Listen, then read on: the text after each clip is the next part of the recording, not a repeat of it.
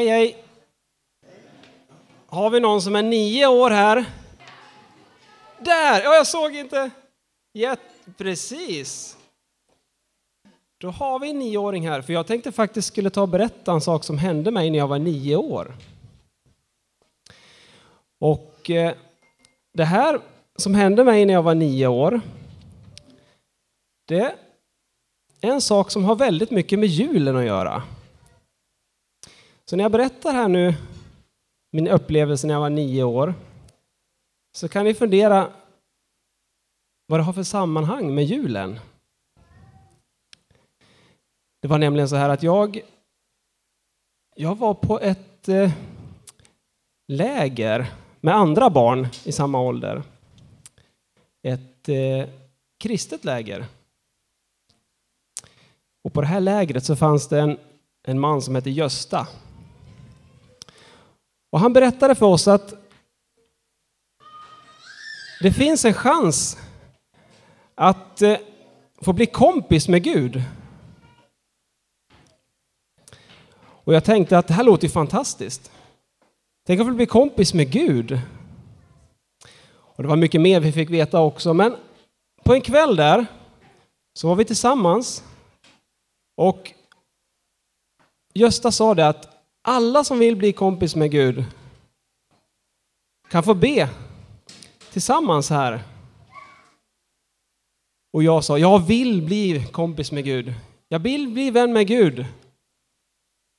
Och när vi bad där den kvällen så kände jag hur Gud bara rörde mig. Och jag blev så uppfylld av en glädje. Så jag började faktiskt gråta av glädjetårar. Så glad blev jag. Och det finns mycket mer att berätta om det här sen i mitt liv. Men där startade min resa med Gud. Och då undrar ni, vad har det här med julen att göra? Exakt! Där har vi kopplingen. Hade inte Jesus kommit så hade inte jag kunnat få bli vän med Gud. Det står så här i... Eh, det fanns 700 år innan Jesus kom hit till jorden. Så fanns det en man som hette Jesaja. Han var profet. Och han kunde höra saker från Gud som skulle hända i framtiden. Och det var så här att han tillsammans med många andra människor på den tiden trodde på Gud och väntade på att Gud skulle sända en räddare, en frälsare, en räddare som skulle rädda hela människosläktet ifrån att inte få ha kontakt med Gud. Att få kontakt med Gud igen. Så, och många väntade på att det skulle komma någon eh, mäktig man och liksom rädda hela situationen. Men den här Jesaja, han profeterade så här.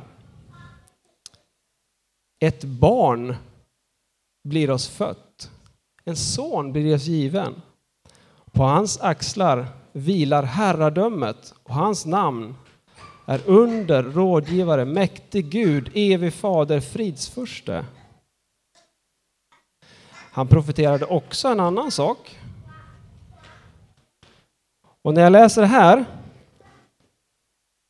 så får ni tänka er också att det här var 700 år innan Jesus kom. Men han sa också så här. Att eh, han var genomborrad för våra överträdelsers skull. Slagen för våra missgärningars skull. Straffet var lagt på honom för att vi skulle få frid och genom hans sår är vi helade. Tänk att han kunde få ett ord ifrån Gud 700 år innan det hände. Känner ni igen det här? Är det någon som känner igen det här? Han var genomborrad för våra överträdelser. Vem var genomborrad? Jesus! Exakt! Och så här var det va. Tänk när när Gud såg ett problem. Människor, vi människor, vi är skapade till att ha en relation med Gud. Gud har skapat oss. Det står i början av Bibeln, står det väldigt uttydligt hur, tydligt hur Gud skapade hela världen, oss människor, för att vi skulle ha gemenskap med honom. Men människorna valde att gå en annan väg, vända sig bort ifrån Gud. Så att vi, vi kan inte naturligt ha kontakt med Gud. Men därför firar vi jul. För att Jesus sände sin son hit. Jag ska göra en liten liknelse. Innan, sen jag, det här är det sista nu. Kan jag få låna den här micken? Här? Kolla här nu alla barn. Det här är jätteviktigt.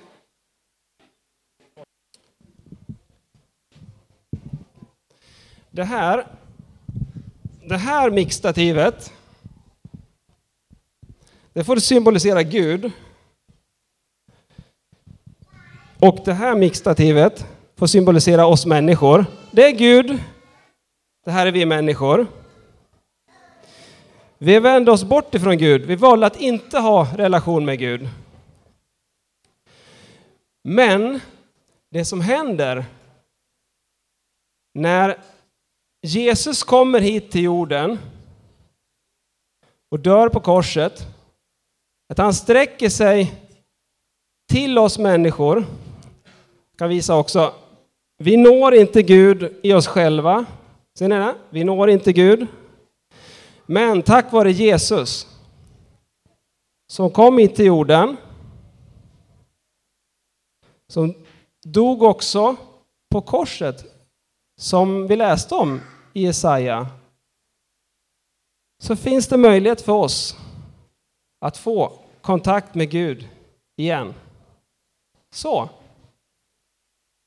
Men det är otroligt viktigt att veta det här. Vi måste själv ta beslutet att vända oss till Gud. Det sker inte av sig själv. Sen är det fortfarande en, en öppning här.